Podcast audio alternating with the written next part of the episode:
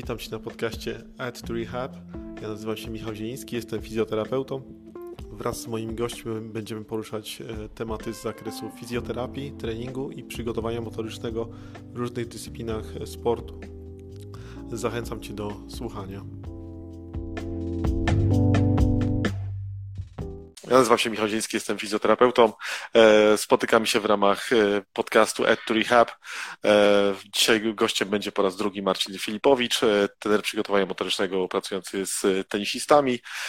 Pierwszą część znajdziecie i na Instagramie, i na Spotify, i wszystkich innych platformach podcastowych, także spokojnie można ją odsłuchać.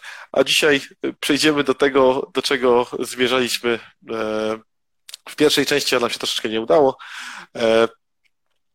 czyli do kwestii samego przygotowania motorycznego, jak to, jak to uwzględnić i prewencji urazów, bo myślę, że to są dwa bardzo ważne e, tematy, które interesują wiele osób. Jak to wszystko poukładać, żeby to miało ręce i nogi, jak to się mówi. Także Myślę, że zaczęlibyśmy sobie od tej e, urazowości w tenisie, bo o tym ostatnio zaczęliśmy e, rozmawiać, a ten temat tutaj e, no, nie, nie, został dokończony. Także zapytałbym Cię, Marcin, z jakimi najczęstszymi kontuzjami spotykasz się w, w pracy? Tak, to jeszcze może na początku w ramach takiego uściślenia to dodam, że pod koniec zeszłej części właśnie rozmawialiśmy o tych kontuzjach i doszliśmy do wniosku, że skupiamy się na kontuzjach w sporcie zawodowym, wyczynowym tak, że odstawiamy te Dokładnie. kontuzje w sporcie, w sporcie amatorskim, no bo tutaj mimo wszystko jest duża, e, duża zmienność w lokalizacji występowania poszczególnych urazów, także skupimy się na tym sporcie zawodowym, tak? Oczywiście.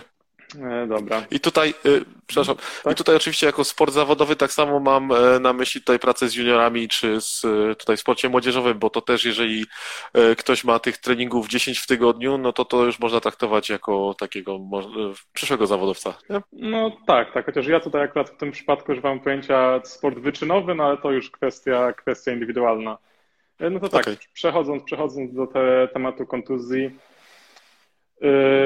chciałbym powiedzieć o dwóch badaniach, które były prowadzone właśnie w sporcie wyczynowym na tym najwyższym poziomie w perspektywie kilku lat, bo takie badanie jakby uznaję za bardziej obiektywne niż powiedzmy jakieś krótsze, krótkoterminowe badania. Yy, pierwszym takim dużym badaniem, na które trafiłem jakiś czas temu, gdy właśnie zgłębiałem ten temat, było badanie prowadzone przez 15 lat. I podczas tego badania yy, zbierano dane na temat kontuzji, które występowały podczas ostatniego turnieju wielkoszlemowego w trakcie sezonu, ponieważ w trakcie całego roku y, startów w sporcie zawodowym są cztery najważniejsze turnieje. Turnieje Wielkiego Szlema. Ten ostatni ma miejsce w Nowym Jorku we wrześniu. I ten turniej cechuje się największą ilością urazów, biorąc pod uwagę, że jest to turniej, tak jak powiedziałem, we wrześniu, czyli już praktycznie po całym sezonie gry. Czyli jak wiadomo, organizmy zawodników już są w dużym stopniu przyciążone i no, nie jest y, żadną tajemnicą, że występuje tam na więcej kontuzji. I badanie to właśnie zbierały wszystkie takie, to badanie zbierało wszystkie takie incydenty przez te 15 lat i doszli do następujących, do następujących wniosków, że na pierwszym miejscu najczęstszą kontuzją, jaką y, zanotowali, było właśnie skręcenie stawu skokowego, skręcenie supinacyjne. I to jakby również pokrywa się z moją praktyką zawodową y, do tego momentu, ponieważ y, no, biorąc pod uwagę, że tenis charakteryzuje się ciągłymi przyspieszeniami, hamowaniami, zmianami kierunku biegu, do tego też y, turnieje są rozgrywane na różnych nawierzchniach, korty twarde jeszcze ok, ale na kortach ziemnych tutaj też duży wpływ na tą właśnie prewencję y, obrębu skokowego ma jakość tej nawierzchni, tak? Ponieważ no wiadomo, że kort, y, nawierzchnia nawierzchni nie jest równa, każda taka mączka, każda nawierzchnia ceglana jest inna, już tutaj nie pomijając fakt, że na przykład po deszczu te korty są bardziej wilgotne, jest mniejszy poślizg, również łatwiej się w cudzysłowie zakopać i, i przewrócić i w takich sytuacjach też właśnie często dochodzi do, e, do tych urazów, e, więc biorąc te wszystkie rzeczy pod uwagę, to tutaj jakby całkowicie się moje obserwacje pokrywają z tymi badaniami, że najczęstszą kontuzją jest właśnie skręcenie stawu skokowego. E, oprócz właśnie skręcenia stawu skokowego zanotowali również urazy w obrębie nadgarstka. I tutaj głównie chodziło o ścięgno prostownika łokciowego nadgarstka, i szczególnie, w, co może się wydawać na pierwszy rzut oka dziwne, w, po stronie niedominującej, czyli w ręce lewej u zawodników y, praworęcznych. Y, dzieje się to, ponieważ podczas takich piłek odgrywanych z backhandu, czyli uderzenia, które wykonujemy z lewej strony, przeważnie oburącz, ten lewy nadgarstek, czyli nadgarstek ręki niedominującej, znajduje się w takiej pozycji połączenia trzech ruchów zachodzących w stawie nadgarstkowym, czyli właśnie jest to zgięcie grzbietowe, supinacja i przywiedzenie dołokciowe. I tutaj ta kombinacja tych trzech ruchów jest właśnie dlatego ścięgna prostownika łokciowego nadgarstka taką pozycją bardzo, myślę, bardzo niefortunną.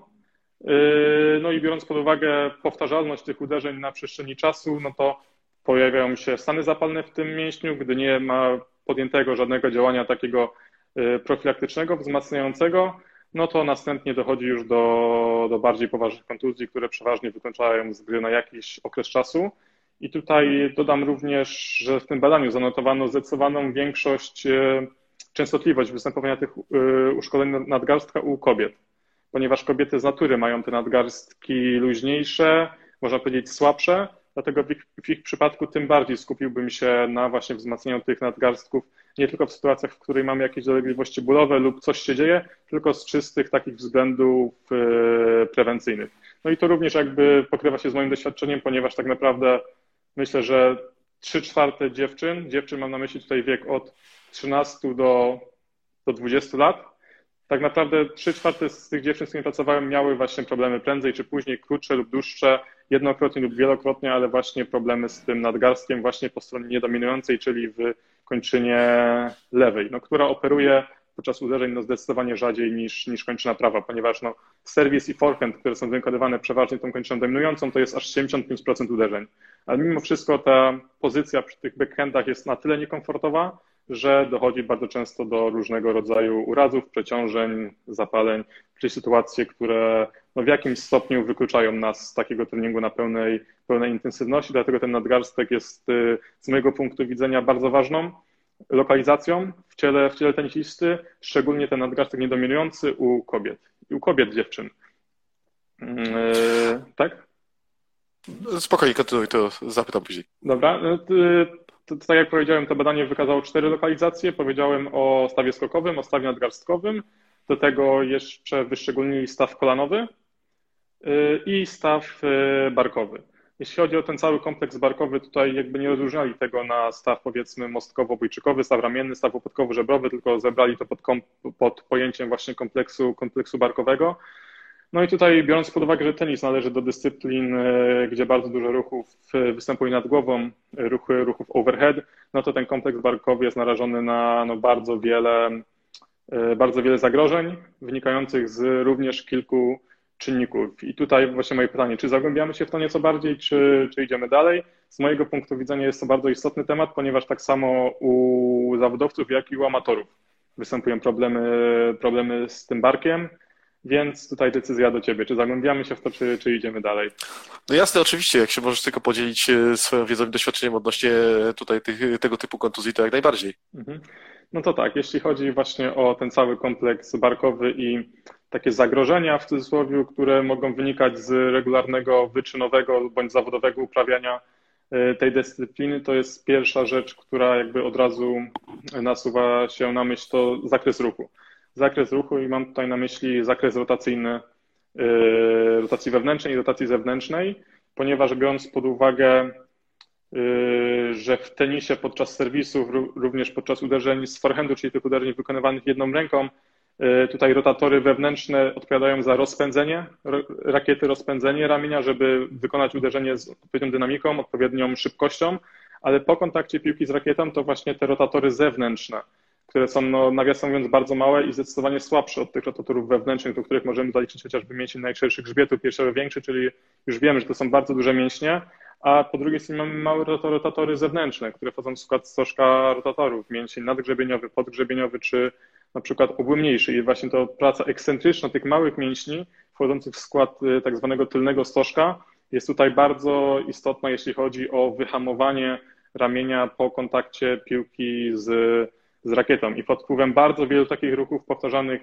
na przestrzeni lat, set, kilkaset razy tak naprawdę czasami w ciągu jednego dnia, te mięśnie ulegają mm, nadmiernemu napięciu, jeśli oczywiście nie Y, podchodzi się do tego w sposób taki prewencyjny również, profilaktyczny i nie pracuje się nad tym, co skutkuje ograniczeniem y, zakresu rotacji wewnętrznej. po stronie właśnie ramienia dominującego, co myślę, że występuje u zdecydowanej większości tenisistów, jak miałbym powiedzieć, to bardziej tak w sposób liczbowy, na podstawie mojego doświadczenia. Myślę, że dobre 90% zawodników, e, czy to młodszych, czy nawet w wieku 14 lat, co już pokazuje, jak wcześnie te adaptacje zachodzą, e, właśnie ma ograniczony zakres rotacji wewnętrznej po stronie dominującej względem strony niedominującej, a patrząc z drugiej strony, nieco zwiększony zakres rotacji zewnętrznej, ponieważ podczas ruchu serwisowego, gdy zawodnik tak naprawdę można powiedzieć, ładuje, e, ładuje to ramię, żeby następnie przyspieszyć, e, dochodzi do momentu maksymalnej rotacji zewnętrznej w stawie ramienia. Co jakby też tutaj pokrywa się, jest logiczne, ponieważ chcemy na początku te rotatory wewnętrzne rozciągnąć, aby potem skorzystać z tej energii zgromadzonej podczas rozciągnięcia i przełożyć to na fazę koncentryczną. Także jeśli, podsumowując ten zakres ruchu, to mamy w ramieniu dominującym zwiększony zakres rotacji wewnętrznej ramienia, e, przepraszam, zwiększony rotacji zewnętrznej i zmniejszony zakres rotacji, rotacji wewnętrznej. Chociaż tutaj również ja przynajmniej tak robię i również sugerowałbym nie e, zwracać uwagi tylko i wyłącznie na dane liczbowe, jeśli chodzi o zakres ruchu rotacji wewnętrznej i zewnętrznej i porównywać tych zakresów ze stroną niedominującą, e, ponieważ w literaturze występuje takie pojęcie jak total range of motion, TROM, Y, który odnosi się właśnie do sumy zarówno rotacji wewnętrznej, jak i rotacji zewnętrznej danego barku. Y, dodaje się te, te wartości, mamy wartość, taką totalną wartość rotacji w danym stawie i dopiero to porównujemy ze stroną y, przeciwną i o ile dobrze pamiętam, jeżeli ta różnica wynosi 5 stopni, to bodajże nie jest to żaden, żaden problem, ale gdy ta różnica jest większa niż, wydaje mi się, że 10 stopni, to wtedy już jest to mm, jakby taki, taka wskazówka i taki komunikat dla nas, żeby może jednak rzucić na to okiem i zaadresować ten y, w cudzysłowie problem, można powiedzieć bardziej, y, bardziej specyficznie dysbalans. Y, więc jeśli chodzi o zakres ruchu, to myślę, że to by było tyle, ale no nie jest to jedyna rzecz, która interesuje nas, jeśli chodzi o bark w tenisie i myślę również w innych sportach overhead ponieważ już e, troszeczkę wspomniałem o tych mięśniach, o bardzo silnych rotatorach wewnętrznych, czyli mięsień piersiowy większy, e, najszerszy grzbietu i również ten jeden mięsień ze stożka rotatorów, mięsień podupadkowy, który jest jedynym rotatorem wewnętrznym, ale wiemy, że jest to najsilniejszy rotator z tych wszystkich, z tych wszystkich czterech mięśni. No i po drugiej stronie mamy rotatory zewnętrzne, bardzo małe mięśnie, nadgrzebieniowy, podgrzebieniowy, obu mniejszy, które są słabsze od tych rotatorów, rotatorów wewnętrznych. No i tutaj były również badania prowadzone, że u zdecydowanej większości tenisistów y, występuje duży dysbalans właśnie w sile mięśniowej między rotatorami wewnętrznymi a rotatorami zewnętrznymi. No i też wiemy, że nadmierny dysbalans w sile mięśniowej y, jest jednym z czynników, który może prowadzić do, do urazów.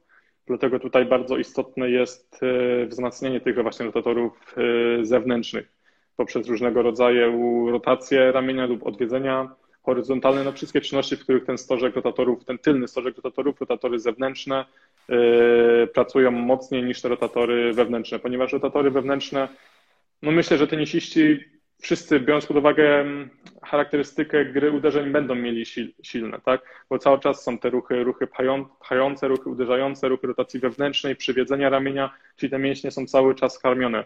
Też podczas treningu siłowego wykonujemy często pompki, wyciskania, podciągania i to są wszystkie ruchy, które właśnie y, wzmacniają te rotatory wewnętrzne. Dlatego tak ważny jest również aspekt pracy nad tymi rotatorami zewnętrznymi, które pomogą nam uzyskać lepszy balans mięśniowy między tymi y, grupami, y, przez co nasz bark będzie w lepszym, lepszym, bardziej bezpiecznym stanie, jeśli chodzi o, o uderzenia, o chociażby nie tylko trening tenisowy, również taki ogólny, ogólny trening czy ogólne, ogólne zdrowie. No to w akurat. Sumie, y, w sumie, a dobrze, dobrze, dobrze, dobrze, dokończ. dokończ. Nie, to skończ, skończ wątek, bo chciałem potem zadać jeszcze dwa pytania. Y, bo właśnie jak już zacząłem mówić o barku, y, no to aż nie mogę nie powiedzieć o łopatce. Tak, no bo to od, od łopatki się, się wszystko zaczyna i tutaj u tenisistów również obserwujemy, ja przynajmniej zaobserwowałem u zdecydowanej większości i również potwierdzają to badania naukowe, mm, dyskinezy łopatki, czyli zaburzony, zaburzony ślizg łopatki po, y, po żebrach w momencie unoszenia ramienia nad, y, nad głowę. I tutaj y, większość tenisistów, z tego co, co widzę, co obserwuję, te rotatory zewnętrzne w jakim stopniu ma rozbudowane, ponieważ wszyscy wykonują te ruchy retrakcji łopatki, ruchy, ruchy przyciągania, tak, ale no, zdecydowana mniejszość ludzi, ten, tenisistów, zawodników wykonuje ruchy wypychania i tutaj mam bardziej na myśli ruchy protrakcji barków, w których ten mięsień zębaty przedni pracuje, ponieważ ten mięsień zębaty przedni w zdecydowanej większości przypadków jest y, niewydolny, może nie pracuje tak jak powinien, przez co podczas unoszenia ruchów ramienia nad głowę ten brzeg przyśrodkowy łopatki odkleja nam się od kręgosłupa, nazywa się to bodajże skrzydlatą łopatką. Jeśli coś źle Dokładnie. powiedziałem, to, to mnie popraw. Yy, no i ten mięsień zębaty przedni jest yy, moim zdaniem szalenie istotny, jeśli chodzi o cały kompleks, cały kompleks barkowy, bo to on odpowiada za rotację górną łopatki, która patrząc dalej pozwala nam unieść ramię nad głowę w sposób bezpieczny, bez innych kompensacji, ale również wszystkie uderzenia, uderzenia z forehandu, którego jest najwięcej, są wszystkie ruchy, w których bark idzie do protrakcji, ramię wychodzi jakby przed, przed wypychamy. No i w tych ruchach również ten zębaty przedni kontroluje tą łopatkę, dlatego jeśli nie będzie on odpowiednio, odpowiednio silny, inne mięśnie będą przejmowały jakby jego funkcję, przez co już będzie tutaj tworzona jakaś kompensacja. Y, no i te wszystkie ruchy nie będą na tyle, bym powiedział, ekonomiczne i bezpieczne, jak mogłyby być w przypadku dobrze funkcjonującego tego mięśnia. I tutaj mogę śmiało odesłać y, wszystkie osoby, które są zainteresowane zgłębieniem wiedzy na temat właśnie upadki w sportach overhead do kursu internetowego prowadzonego przez Erika Chrisia Sturdy Shoulders, w którym ten temat, na temat, w którym ten temat y, barku, rotatorów, łopatki jest naprawdę rozebrany na czynniki pierwsze i jest to naprawdę, naprawdę rewelacja. Y, wiem, że nie jest może to kurs tani, ale bardzo często są jakieś różnego rodzaju promocje z różnych rozmaitych powodów, więc myślę, że warto śledzić i upolować jakąś dobrą okazję, bo dla osób zainteresowanych to naprawdę, naprawdę może być taki taka rzecz otwierająca oczy na ten kompleks barkowy i, i łopatkę i tak naprawdę całą kończynę górną. Więc to z całego serca polecam. No dokładnie, teraz y, dużo jest tej wiedzy dostępnej online, także jak najbardziej trzeba z tego korzystać. Y, a właśnie chciałem zapytać odnośnie tych kontuzji, jeżeli chodzi o staw skokowy, jakbyśmy do tego wrócili, mhm. bo tu nie wiem, czy widzisz też związek, tak jak wspomniałeś w e, pierwszej części, że znaczna większość poruszania odbywa się do boku e, mhm. w tenisie. Czy widzisz też związek tutaj na wierzchni z urazowością, jeżeli chodzi o zmianę kierunku, jeżeli chodzi o urazy stawu skokowego?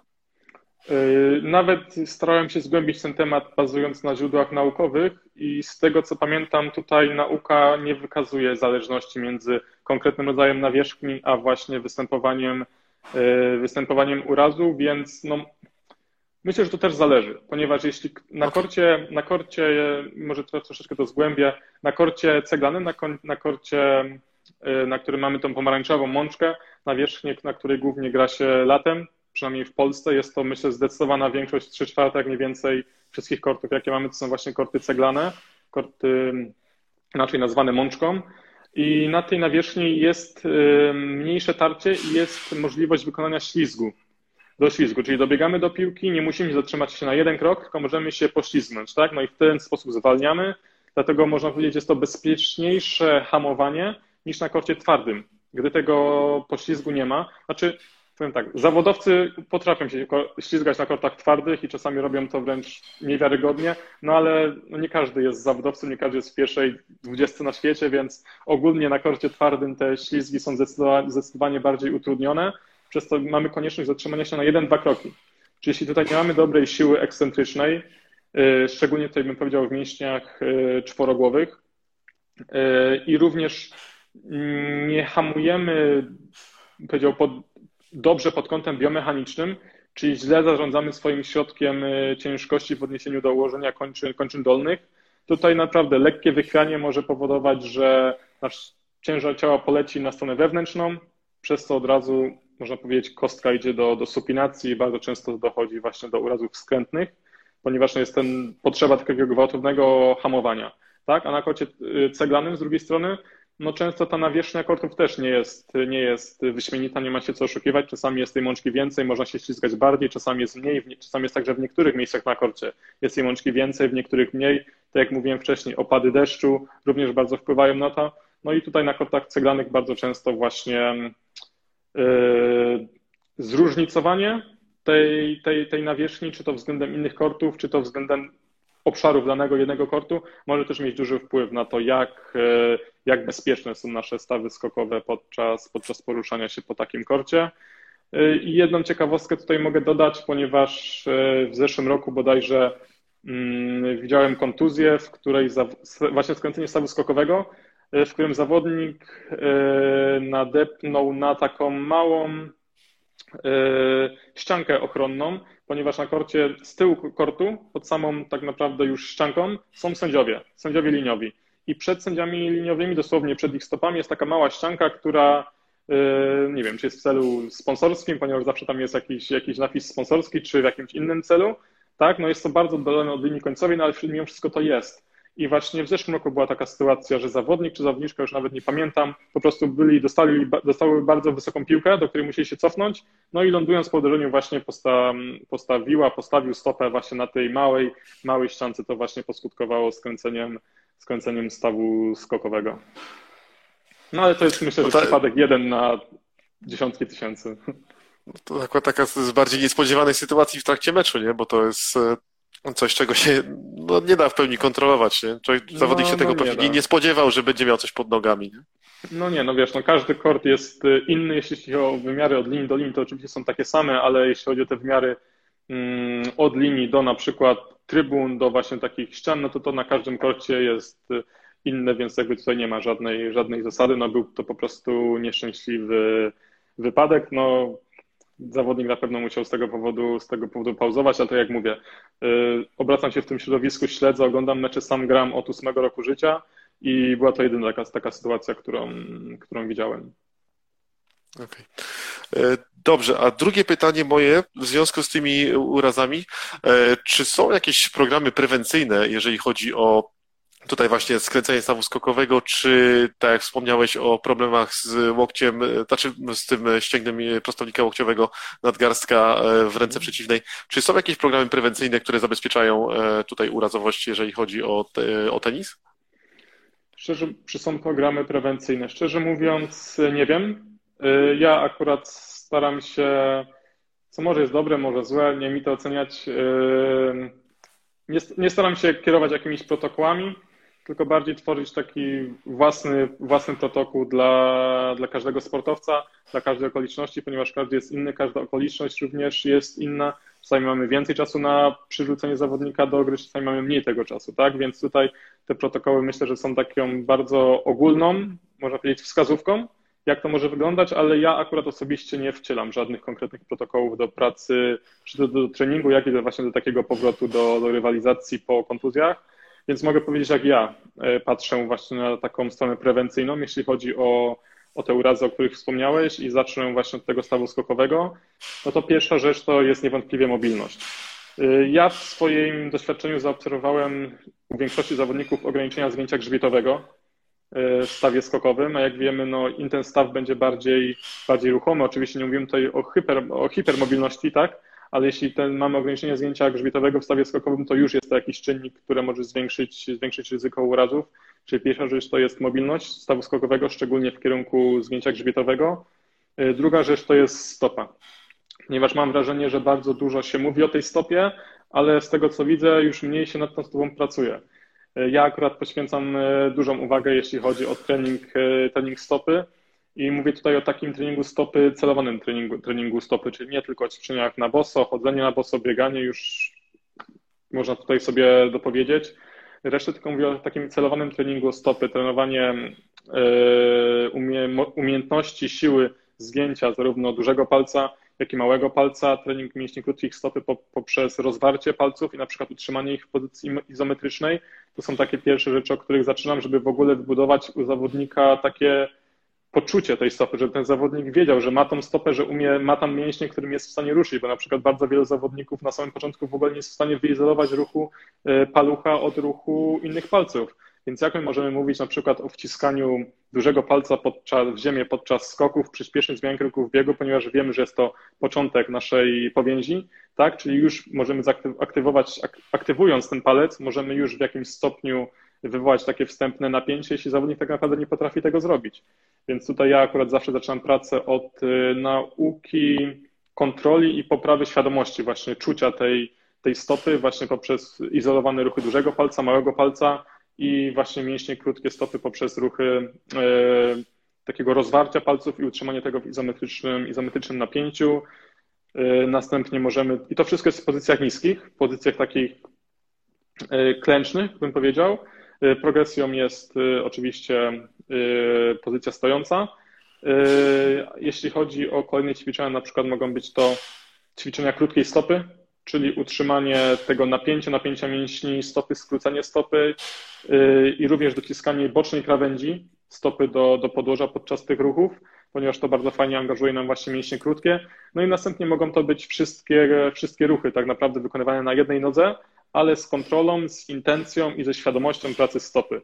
No bo to jest już jakby taki efekt końcowy. Chcemy, żeby ta nasza stopa była, była stabilna, była aktywna podczas wszystkich takich czynności, które wykonujemy, Yy, no i aby to było możliwe, no to musi przede wszystkim być zbudowana świadomość i musi być intencja pracy na tej stopy. Czyli nie jest tak, że stoimy na jednej nodze, wykonujemy jakieś ruchy, tylko wykonujemy jakieś ruchy, ale naszym głównym celem jest właśnie aktywacja tej, tej stopy. Czyli tutaj. Mhm, tak? Przepraszam, że ci przerwę na chwilkę. Jasne, I oczywiście jasne. te wszystkie ćwiczenia robisz y, będąc boso lub y, w jakimś obuwiu, które umożliwia pracę palców, typu te buty Five Fingers czy coś tego typu? E, o, oczywiście, tutaj bardzo, bardzo cenna, cenna wzmianka, bo tu nie wspomniałem. Oczywiście tak, te wszystkie, wszystkie ćwiczenia są wykonywane boso. Boso na, znaczy, no jest... na gołej stopie. Mhm. To jest zrozumiałe, ale to tak wolę, wiesz, jasne, jasne, nie, no, ja, ja, jasne, jasne. Rozpędziłem nie, się, nie, powiedziałem o najważniejszych rzeczy, że te, że te wszystkie ćwiczenia są wykonywane właśnie na, na boso. To znaczy, no, gdyby zawodnicy grali boso, to myślę, że nie musieliby tego, znaczy w mniejszym stopniu musieliby to robić i tutaj buty powodują to, że ta stopa jest ograniczona praca stopy, plus jeszcze te różne systemy w butach e, jeszcze bardziej usztywniają e, tą stopę, nie? jeżeli tak, o to tak, chodzi i to też upośledza tą funkcję w pewnym sensie. No, no dokładnie, tutaj jak całkowicie się zgadzam, no też myślę, że zawodnicy bardzo, znaczy wszystko zależy, tak, ale myślę, że większość bardzo mało chodzi boso. Na przykład moim zaleceniem podczas pierwszej rozmowy gdy i treningu, gdy zauważam, że właśnie z tą stopą jest y, może jakiś, jakiś problem albo jest tutaj duży margines do poprawy, moim pierwszym zaleceniem jest właśnie, które daję zawodnikom, żeby jak najwięcej chodzili boso. Jak najwięcej chodzili boso. Ja sam tak naprawdę większość życia chodziłem w skarpetkach, ale od kiedy zacząłem zgłębiać bardziej temat tej stopy, sam przerzuciłem się tylko i wyłącznie na chodzenie boso po, po mieszkaniu i tak jak przez pierwsze dni czułem się dziwnie, czułem się niestabilnie, było, było to coś nowego, bo, bo nie było to jakby dla mnie czymś takim oczywistym, naturalnym. No tak po czasie, po czasie już tak naprawdę teraz nie zwracam na to uwagi, robię to odruchowo i czuję, i czuję, że te stopy stają się silniejsze. Szczególnie czułem to po takim pierwszym, można powiedzieć, miesiącu, gdy przeszedłem właśnie na e, poruszanie się po, po tutaj mieszkaniu w, na Boso. Poczułem zdecydowaną różnicę, jeśli chodzi o taką stabilność i umiejętność transferu energii z podłoża, tak mogę to powiedzieć. E, czyli byłem w stanie generować więcej, więcej siły, nie wkładając e, więcej siły, czyli była mniejsze, mniejsze rozproszenie tej energii na przestrzeni łańcucha kinetycznego, e, ponieważ no też mamy badania, które mówią, że samo wzmocnienie mięśni krótkich stopy już wpływa pozytywnie na siłę mięśnia czworogłowego, na właśnie przyspieszenie, zmianę kierunku, skoczność. No, czyli są to, są to rzeczy, które każdy sportowiec chce poprawiać, szczególnie, szczególnie myślę tenisiści, bo te wszystkie rzeczy, o których wspomniałem, występują cały czas na, na korcie podczas, podczas gry. Więc to są mięśnie krótkie stopy, yy, ale również mamy mięśnie, mięśnie długie stopy. I tutaj do tego, do, do pracy nad tymi mięśniami yy, wykorzystuję yy, slantboard. Nie wiem, jak, jak to w sumie przetłumaczyć na, na polskie taką dokładną nazwę, ale jest to taka platforma, którą możemy, ma, możemy manipulować stopień, stopień pochylenia.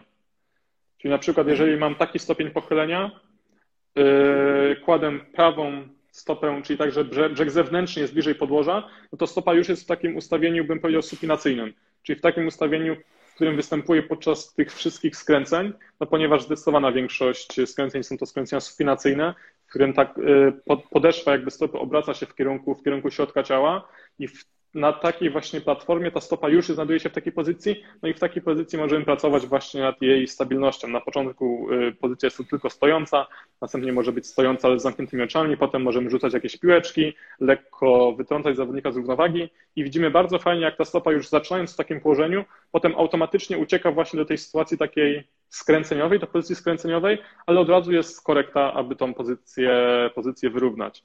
Więc myślę, że jest to takie bardzo mm, fajne i praktyczne urządzenie pod właśnie trening prewencyjny, pod właśnie wzmacnianie, wzrost ochrony stawu skokowego przed właśnie skręceniem e, supinacyjnym. Mm, do tego również, bo w Polsce przeważnie jest tak, że sezon zimowy gra się na kortach twardych pod, e, pod balonami, a sezon letni na kortach ceglanych. Więc jest tutaj bardzo taki istotny moment przejścia z tych kortów cegla, e, twardych na korty ceglane, ponieważ no, wspomniałem wcześniej już o, o różnicach. I no, bardzo ważną rzeczą jest y, nauczenie zawodnika, nauczenie, przypomnienie, jak się ślizgać. Ponieważ to też to nie jest tak, że ktoś się potrafi ślizgać po korcie albo nie potrafi, to jest skill, który można wypracować. I tutaj również mamy takie fajne maty, slideboardy bodajże. Nie wiem, czy wiesz o, o, o czym mówię. Dokładnie. Tak, tak. Albo flowin. Ba, bardzo, bardzo możliwe. Już nas pewnie jest tyle, ile, ile producentów. I to też myślę, że jest bardzo fajnym narzędziem, żeby przed wejściem na te korty ceglane już poćwiczyć ślizgi, żeby już jakby układ nerwowy przyzwyczajał się do tych, do tych pozycji, do tego, do tego poślizgu, zarówno jeśli chodzi o stawy skokowe, jak i, jak i, jak i całe ciało. Tak naprawdę.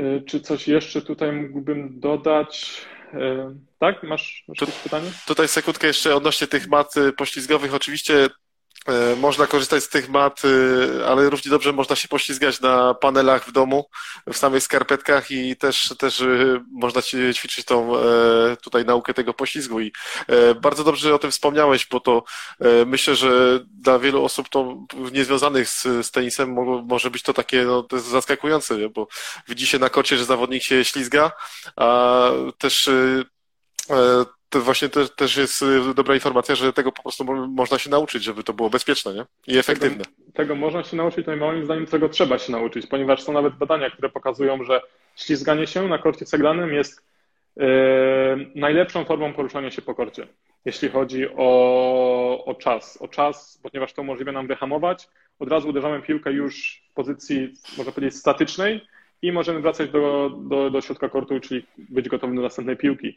Czyli to ślizganie się jest no, wręcz obowiązkowe, jeśli ktoś chce poruszać się dobrze po kortach, yy, po kortach ceglanych, a na kortach ceglanych myślę, że rozgrywana jest bardzo w Polsce zdecydowana większość turniejów. Na świecie, na poziomie zawodowym połowa myślę, myślę że nie, ale no coś około 40% myślę, myślę, myślę, że tak, więc yy, no jest to moim zdaniem taka konieczność. I tutaj z doświadczenia też mogę powiedzieć, że e, bardzo, u bardzo wielu zawodników mamy bardzo dużą dysproporcję, jeśli chodzi o umiejętność ślizgania się na nodze prawej i lewej. W bardzo wielu przypadkach jest tak, że zawodnicy ślizgają się tylko i wyłącznie na jednej nodze. Czyli na przykład e, ślizgają, ślizgają się tylko i wyłącznie na, na nodze prawej zarówno do forehandu, gdy ta noga prawa jest nogą zewnętrzną, od, patrząc od środka kortu, lub na przykład do backhandu również na tej prawej, prawej nodze, czyli jakby są w zupełnie innej pozycji. Y, to samo tyczy się, jeśli ktoś się ślizga do przodu, biegnie do krótkich piłek. Również wykorzystuje tylko tą jedną, jedną nogę. Y, nie mogę powiedzieć, że wynika to z jakiejś sytuacji z przeszłości, jakichś skręceń, wypadków. Czasami po prostu zawodnicy tak mają. I moim zdaniem tutaj też powinniśmy nad tym pracować, żeby mimo wszystko zawodnik był w stanie poślizgnąć się na, na nodze prawej, na nodze lewej. Ok, na, na tej nodze słabszej może poślizgnąć się nie tak, bym powiedział, efektywnie, jak na tej drugiej, drugiej nodze, ale no, jeśli będzie, jeśli stworzymy mu warunki, że będzie w stanie wykonywać te ślizgi na, zarówno na nodze jednej i drugiej, będzie mógł sobie wybrać, którą nogę wybiera, tak? Odnośnie, odnośnie sytuacji, w jakiej się znajduje. Jeśli nie będzie tego potrafił, nie będzie tak naprawdę miał wyboru i zawsze będzie starał się dostosować sytuację, obliczyć kroki w taki sposób, żeby móc się właśnie poślizgnąć na prawej nodze. A to już może powodować dodatkowe straty czasu i, i, i problemy. No bo jak dla mnie, ja przynajmniej tak patrzę na tenisa, tenis to jest gra, gra czasu. Zadaniem zawodnika jest w cudzysłowie kupić sobie jak najwięcej czasu przed uderzeniem, aby dobrze się ustawić, przygotować, pomyśleć i zagrać piłkę w dobrym momencie i tym zagraniem zabrać jak najwięcej czasu przeciwnikowi, żeby przeciwnik miał tego czasu jak najmniej. I na pewno rzeczą, która ma ogromny wpływ na to, ile czasu my mamy, a ile czasu dajemy przeciwnikowi, jest to, jak szybko się poruszamy, jak szybko jesteśmy w stanie uderzyć piłkę, wrócić. do, do, do środka kortu. No więc to ślizganie się na kortach, na kortach ceglanych moim zdaniem jest bardzo, bardzo istotną kwestią. Jeśli ktoś chce rywalizować na, tym, na tej nawierzchni, ale bardzo często jest tak też, że zawodnicy planują kalendarz startów w ten sposób, aby właśnie omijać tę nawierzchnię, na, którą czują, na której czują się mniej pewni. Tak, ponieważ na tym poziomie zawodowym może nie mówię już o tych turniejach dla top-top yy, poziomu światowego, ale o tych turniejach takich niższej rangi, ale już yy, na poziomie światowym, czyli powiedzmy dla zawodników od, od miejsca tak orientacyjnie 200 do na przykład 1000 ATP, no to tych turniejów czasami podczas jednego tygodnia mogą być cztery w różnych miejscach na świecie, tak? Więc zawsze można dopasować sobie kalendarz startów pod nawierzchnię, na której chcemy rozgrywać turniej. No ale jeśli chcemy grać zawodowo, no to nie uciekniemy od, od tych wszystkich nawierzchni, więc moim zdaniem lepiej do tego już przygotowywać się za, za młodo niż w tym wieku już seniorskim, rywalizując na tych największych turniejach, gdzie już również wiele innych rzeczy wchodzi Yy, wiele innych rzeczy trzeba brać pod uwagę przy ustalaniu kalendarza startów, a nie tylko i wyłącznie yy, na wierzchnię. I może jeszcze zamykając ten temat stawu skokowego, chyba że będziesz chciał jeszcze ten temat rozwinąć, musimy również pamiętać, że aż 70% urazów skrętnych stawu skokowego powraca w ciągu jednego roku aż 70-70%, dlatego również powinniśmy brać to pod uwagę. Ja akurat jestem, jestem zdania, że po skręceniu stawu skokowego, nawet już po tym procesie rehabilitacji, w którym zawodnik nie odczuwa żadnych innych e, bólów, dyskomfortu, jest w stanie normalnie rywalizować, poruszać się, aby zawodnik grał albo w jakimś takim stabilizatorze na kostkę, albo tejpował sobie prewencyjnie staw skokowy. I tutaj też mogę powiedzieć, że są zawodnicy, zawodniczki z samego topu światowego. Już tutaj mówię o zawodnikach naprawdę z top 5, można powiedzieć, yy, którzy przed każdym meczem tejpują sobie staw skokowy, właśnie form, przed każdym meczem tempują sobie oba stawy skokowe, właśnie w formie takiej, takiej prewencji przed yy, urazami skrętnymi. Bo myślę też, że każdy ten, większość tenisistów już te swoje skręcenia w życiu niejedno zaliczył, zaliczyła, więc no już każdy woli dmuchać na zimno. No ale oczywiście też należy pamiętać o treningu prewencyjnym, żeby tego nie zaniedbywać, e, że samo e, tejpowanie czy zakładanie stabilizatora nie załatwi sprawy, nie? Także no to, dokładnie. Bo tu mówimy oczywiście dokładnie. tylko o tejpowaniu na czas wysiłku, jeżeli chodzi o jakiś intensywny trening czy, czy mecz, nie? Bo no, jeżeli chodzi tego, o, Z tego co wiem, to nawet y, chodzi tutaj o tejpowanie tylko i wyłącznie przed, y, przed meczem. Przed meczem. Już nawet nie na treningach, tylko, tylko na meczach, no ale tak jak powiedziałeś, jest to taka forma bardziej bierna, najważniejsze tutaj jest, są działania prewencyjne, dlatego na działania prewencyjne poświęciłem myślę, że kilka dobrych minut, a o tej pingu i o stabilizatorze wspomniałem na koniec w ramach takiej wisienki na to w formie ciekawostki. Znaczy jako uzup- nie ciekawostki, tylko jako uzupełnienie, nie? Tak, tak, też, tak, tak. Czy... Jako uzupełnienie, jako ciekawostka pod tym kątem, że znaczy, mam takie informacje, że zawodnicy stopu też, też w ten sposób tak, tak, tak postępują, stopu światowego. Nie? Znaczy, to też nie jest tajemnicą, że zawodnicy y, uprawiający koszykówkę w, nawet w NBA czy na najwyższym poziomie w Europie, czy ogólnie na świecie, też tejpują kostki, ale to nie, nie ochroni czasami przed y, urazem z skrętnym y, stawu skokowego, także to też nie wszystko się da e, w 100% ograniczyć. Nie? No oczywiście, no, nie jesteśmy w stanie żadnej kontuzji zapobiec w 100%, tak? Jedyne co, bo mamy szeroką masę czynników, które które wpływają na kontuzję i myślę, że w ten temat niekoniecznie możemy wchodzić, bo na to możemy poświęcić całą kilkugodzinną rozmowę, ale czynników jest masę, więc nie, jesteśmy w stanie żadnej kontuzji zapobiec w 100%. Jesteśmy, moim zdaniem powinniśmy robić to, co możemy, to, co jest w naszej mocy, aby minimalizować, e, minimalizować ryzyko, e, ryzyko urazu właśnie. Dokładnie. A jeszcze chciałem zapytać, bo zaraz sobie przejdziemy a chciałem zapytać jeszcze o to, co mówisz o, pod kątem ślizgania. E, jaka jest rola treningu tak zwanego wyrównawczego między jedną i drugą stroną w, w tenisie? Czy w ogóle coś takiego funkcjonuje, czy, czy nie funkcjonuje? Jak, jak to w ogóle wygląda? Hmm, a czy masz tutaj na myśli na przykład y, prawy kompleks barkowy, lewy kompleks barkowy, biorąc pod uwagę, że prawy jest częściej używany, czy na przykład całą lewą stronę czy... ciała, lewą kończynę? Generalnie to. Generalnie mi chodzi porównanie e, pracy między stroną wiodącą, czyli tak jak ktoś jest praworęczny, to prawa ręka, prawa noga, mhm. czy jeżeli chodzi w stosunku do drugiej części ciała, nie? Mhm. Y, znaczy to powiem tak, y, niekoniecznie jest tak, że osoby praworęczne mają na przykład silniejszą prawą nogę, akurat w przypadku tenisistów jest tak, że to ta noga lewa jest, jest jest silniejsza. Jeśli chodzi o badania naukowe, to mogę tutaj przytoczyć kilka faktów, ponieważ pisałem na ten temat swoją pracę magisterską, właśnie zmiany adaptacyjne zachodzące wyczynowych tenisistów. No więc jest to trochę temat rzeka, ale, ale tak w skrócie mówiąc, no, noga lewa, szczególnie mięsień pośrodkowy, jest zdecydowanie bardziej rozbudowany niż mięsień po stronie dominującej, dlatego że zawodnicy praworęczni yy, lądują po serwisie na nodze lewej. I tych lądowań mamy całą masę podczas takiego trzysetowego meczu tenisowego. Już nawet nie pamiętam dokładnej wartości, ale to może być wartość nawet 200 serwisów, czyli to jest 200 lądowań. Też jakby z nie bardzo małej, bardzo małej wysokości, tylko staramy się wyskoczyć jak najwyżej. No i potem musimy ten cały ciężar ciała nawet kilkukrotność ciężaru ciała przy lądowaniu wyhamować. Lądujemy na nodze lewej, nodze niedominującej i absorbujemy tą siłę przez pośladek. Wiadomo, praca ekscentryczna również sprzyja hipertrofii, yy, więc ten mięsień pośladkowy cały czas hamuje nasz ciężar ciała po lądowaniu, cały czas jakby jest zbudowany. Dlatego u tenisistów nawet badania naukowe stwierdziły, że ten mięsień pośladkowy po lewej stronie, po stronie niedominującej jest bardziej rozbudowany, charakteryzuje się większą hipertrofią niż mięsień po stronie, po stronie prawej. I również to samo tyczy się mięśnia biodrowo, biodrowo-lędźwiowego, szczególnie tutaj zginaczy bioder po stronie lewej, ponieważ również podczas tego ruchu serwisowego możemy zaobserwować, ponieważ następuje ruch zgięciowy tułowia. I te mięśnie również tutaj zginacze biodra w to dokładają do tej, do tej siły i również badania stwierdziły, że te mięśnie po lewej stronie, a mięśnie zginające biodra odczytują się większą y, hipertrofią. Jeśli chodzi o kończynę górną, to tutaj również nie zawsze jest tak, że ten, ta strona dominująca jest silniejsza od strony niedominującej.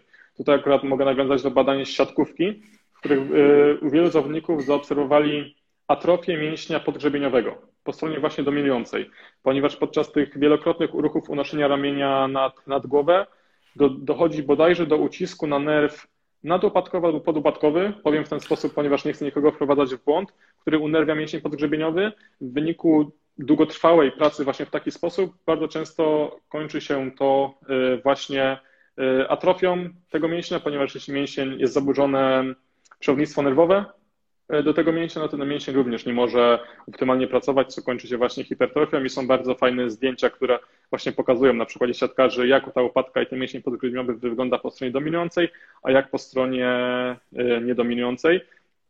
Więc y, jakby nawiązując do Twojego pytania, nie zawsze jest tak, że jedna strona, nawet ta strona teoretycznie mocniejsza, która wykonuje więcej ruchów, jest silniejsza, lepiej zbudowana niż ta, niż ta strona niedominująca.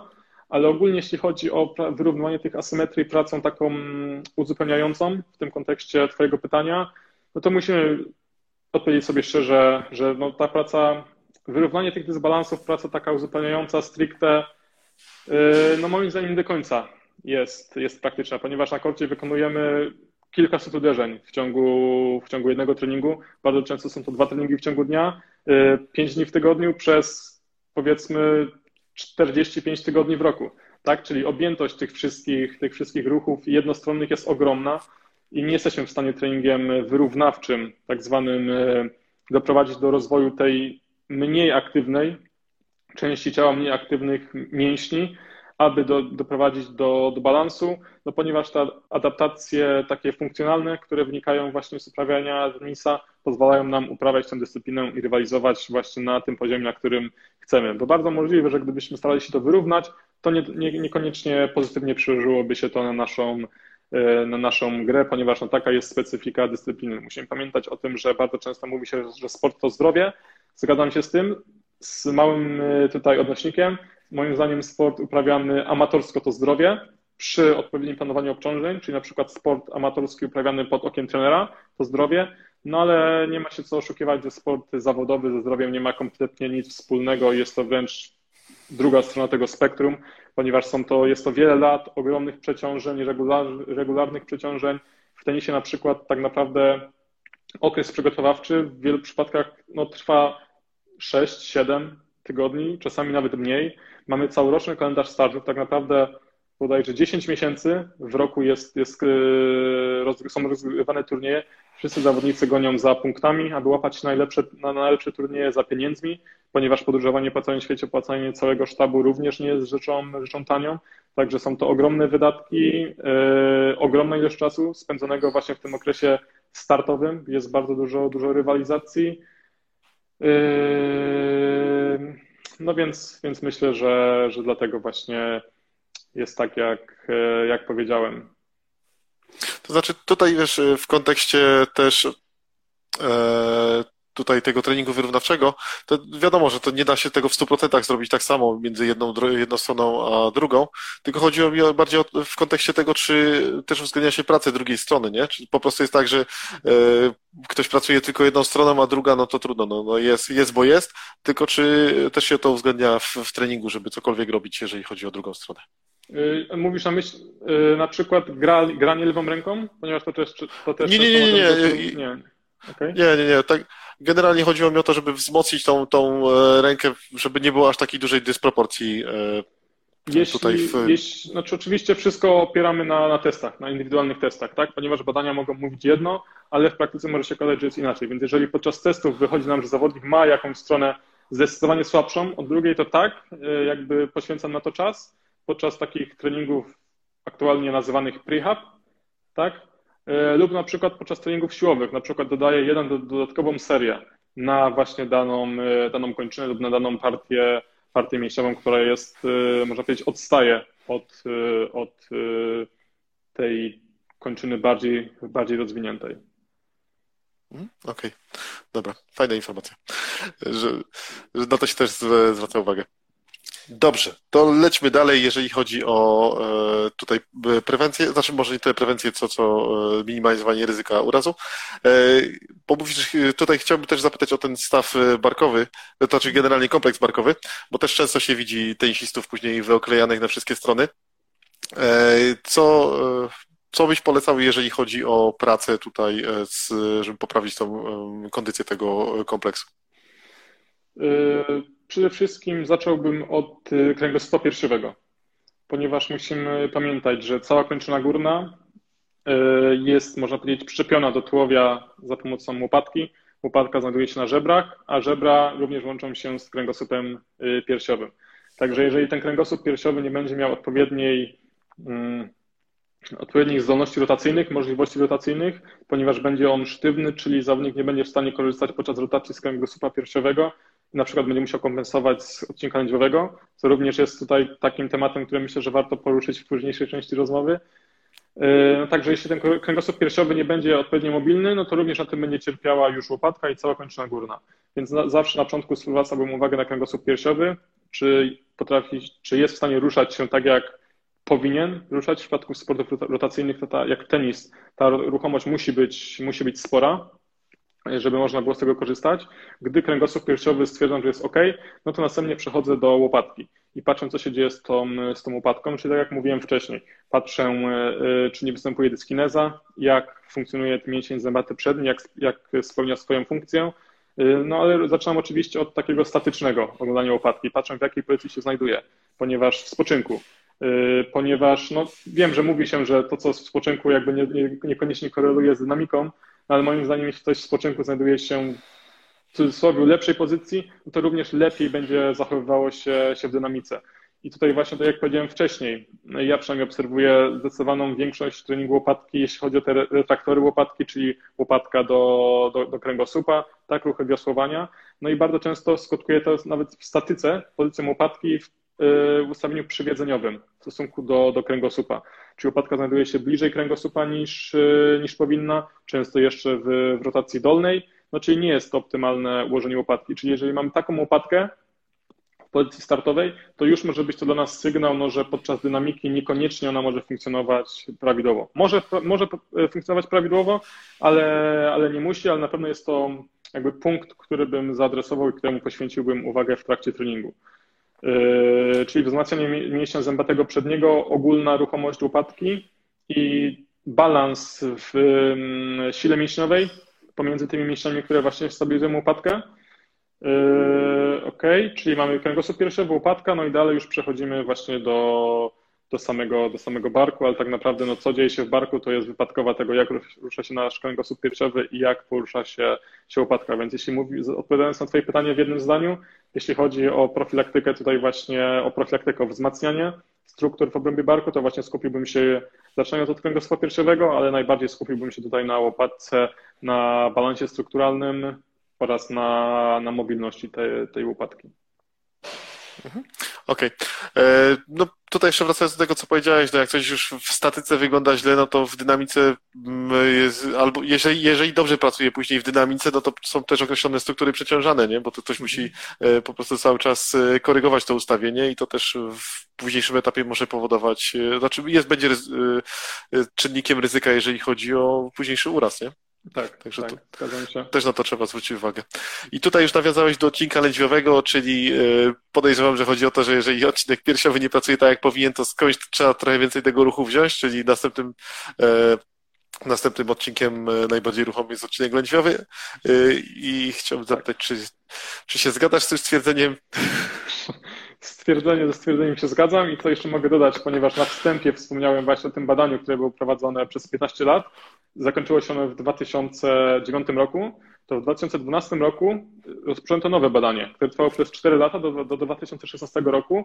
Zbierało one wszystkie urazy występujące na korcie, no, występujące na korcie i właśnie tutaj na pierwszym miejscu już był nie staw skokowy, ale właśnie dolny odcinek kręgosłupa, dolny odcinek pleców. Czyli zostało to miejsce wyszczególnione jako miejsce ulegające największej ilości urazów i, kontuzji ze wszystkich obszarów w ciele. Na drugim miejscu był staw skokowy, jakby tak jak, tak jak to poprzednie badanie wykazało, no ale tutaj na priorytetowym miejscu znajdował się dolny odcinek kręgosłupa. No i tutaj powodów, dla których ten dolny odcinek kręgosłupa może dawać y, objawy bólowe, no jak sam wiesz, może być multum i jeszcze, jeszcze więcej. Jeśli w przypadku tenisistów, czyli przekładając to na taką specyfikę na, na korcie, no to na pewno jeśli ten odcinek piersiowy nie będzie mobilny, tak jak powiedziałeś, no nasz organizm jest mądry, nasz, nasz organizm chce dla nas jak najlepiej, więc będziesz szukał tego ruchu gdzieś indziej. No i patrząc niżej w łańcuchu mamy y, odcinek lędźwiowy kręgosłupa. Więc jeśli odcinek piersiowy nie będzie mógł się odpowiednio rotować, nie będzie wystarczająco mobilny odcinek lędźwiowy, który nie powinien się rotować, będzie przyjmował jego funkcję i już będzie tutaj zachodził jakiś taki niepotrzebny ruch, którego, którego nie chcemy. Co również w perspektywie czasu już może nam właśnie wywołać takie dolegliwości, dolegliwości bólowe w tym, w tym rejonie ciała.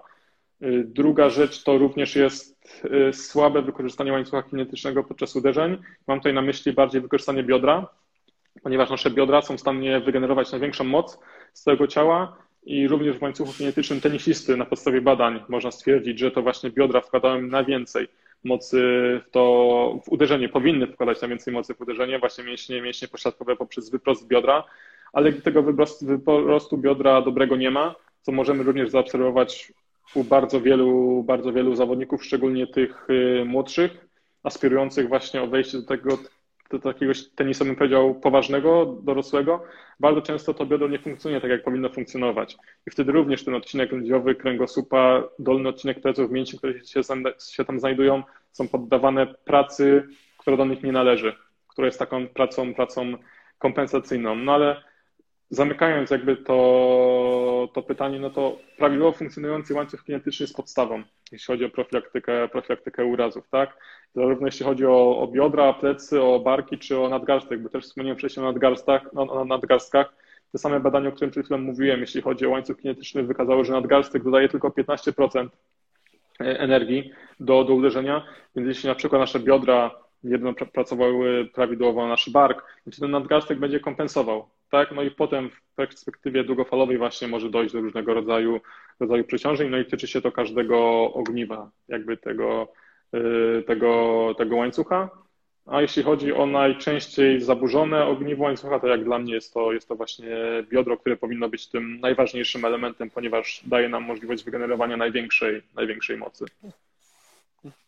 No tutaj jest y, częsty problem, y, też można tutaj doszukiwać się tak jak profesor Jada za, zaproponował taką koncepcję zespołu skrzyżowania dolnego i myślę, że tutaj też jest kwestia, e, którą trzeba by sprawdzić w kontekście sportowców, nie tylko jeżeli chodzi o tenis. E, bardzo częsta sprawa, zbyt mocno napięty e, prostawnik grzbietu, osłabia, czy wzmożone napięcie w ramach zginaczy bioder i słaby pośladek, słaby brzuch i to jest właśnie ten zespół skrzyżowania dolnego, który może potem zaburzać pracę, e, prawidłową pracę w łańcuchu kinematycznym. Dokładnie, jak o tym powiedziałeś, to myślę, że też warto wspomnieć o tutaj skrzyżowaniu górnym, które również obec, obserwujemy bardzo często w obecnych czasach. Cały czas jest komputer, telefon, barki są w tej pozycji ludzie, ludzie się garbią, no i później tak jest, że właśnie te mięśnie z tyłu są nadmiernie rozciągnięte, a te mięśnie z przodu są nadmiernie, nadmiernie skurczone, więc tutaj myślę, że i to górne, i to dolne skrzyżowanie jest yy, rzeczą, która, której częstotliwość będzie rosła w następnych czasach, biorąc pod uwagę tutaj takie czynniki środowiskowe i styl życia. No myślę, że to, to... my będziemy musieli walczyć. Będzie kwestia cywilizacyjna, nie? Jeżeli no chodzi tak, o to. Tak. Ale Także no, też trzeba o, o, o, tym pamiętać. Dobrze, a powiedz mi jeszcze, jak wygląda, jak, jaki byś zaproponował rozkład tygodnia, e, jeżeli chodzi o e, ilość treningów e, tenisowych i takich uzupełniających, jeżeli chodzi o przygotowanie motoryczne, czy trening siłowy dla zawodnika, który jest, uprawia ten wyczyn, a później dla takiego, który już jest na, na, na poziomie zawodowca?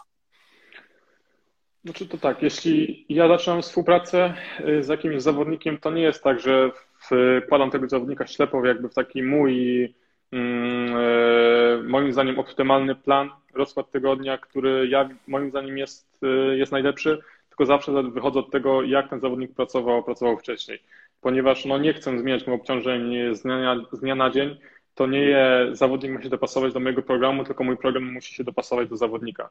Tak, no czyli zawsze na początku wychodzę od tego, co zawodnik miał, miał wcześniej, ale ogólnie tak czysto bym powiedział, teoretycznie na to patrząc, yy, staram się planować zawsze te rzeczy wspólnie z trenerem technicznym, tak aby dwa dni w tygodniu były takimi dniami luźnymi. Przeważnie jeden dzień to jest dzień całkowitej przerwy i no zależy jak rozkładamy tydzień, ale załóżmy, że jest to niedziela, tak? No i żeby był jeszcze drugi taki dzień w środku tygodnia, który właśnie będzie takim dniem regeneracyjnym dla zawodnika. No i tutaj zależnie od tego, ile zawodnik jest w stanie wytrzymać, na przykład jest w stanie wytrzymać 3 dni takiego pikowania obciążeń, wzrostu obciążeń, no to ten dzień regeneracyjny może być dzień, czwartym w tygodniu, ale przeważnie mimo wszystko ten dzień regeneracyjny jest tym dniem y, trzecim w ciągu tygodnia, czyli patrząc od poniedziałku jest to, jest to środa. Czyli na przykład w poniedziałek jest to przeważnie w moim przypadku taki dzień wprowadzający. Nie jest to dzień taki od razu, bym powiedział, hot session, very high intensity, Yy, ponieważ on zawodnik jest właśnie po, po dniu całym przerwy, więc też chcę mu dać taki dzień na, na wejście, wejście w ten tydzień, wejście w ten taki rytm, yy, rytm treningowy. Więc ten pierwszy dzień w tygodniu przeważnie jest taki medium, bym powiedział, yy, medium intensity. Drugi dzień to jest już, już jest taki dzień bardzo obciążający, najbardziej obciążający z tej pierwszej części tygodnia. Po tym dniu mamy dzień poświęcony na regenerację, zarówno fizyczną, jak, jak i psychiczną. E, czwarty dzień to jest tak samo jak wcześniej, na początku tygodnia dzień taki medium, piątek to może być dzień high i sobota tutaj już w zależności od tego, jaki, jaki jest plan lub ten, tą drugą część tygodnia również możemy rozłożyć nieco inaczej. Możemy na przykład zrobić medium, medium high, medium high high. Jeśli chodzi o intensywność, no to już wszystko zależy od tego, z kim mamy do, do czynienia, no ale ogólnie jakby zamykając to wszystko w jednym zdaniu, staram się, żeby dwa dni w tygodniu były takie regeneracyjne, jeden w środku tygodnia nie taki, że jest całkowita przerwa, tylko ja tutaj lubię stosować trening e, regeneracyjny, e, o którym myślę, że też możemy porozmawiać, bo jest to taki, taki fajny temat. E, jeden dzień całkowicie wolny na koniec tygodnia, no i do tego tutaj moduluję dni o średniej intensywności z dniami o wysokiej intensywności, ponieważ jako dni o niskiej intensywności, low intensity uznaję te dni właśnie, właśnie regeneracyjne. No i moim zdaniem takie spolaryzowane podejście do, intensyw, do rozłożenia intensywności na przestrzeni tygodnia jest bardzo istotne, ponieważ po pierwsze yy, nie dochodzi do takiej monotonii treningowej, monotonii obciążeń. Yy, byliśmy razem na szkoleniu we Wrocławiu, więc tutaj dobrze, dobrze wiem o czym, o czym mówię.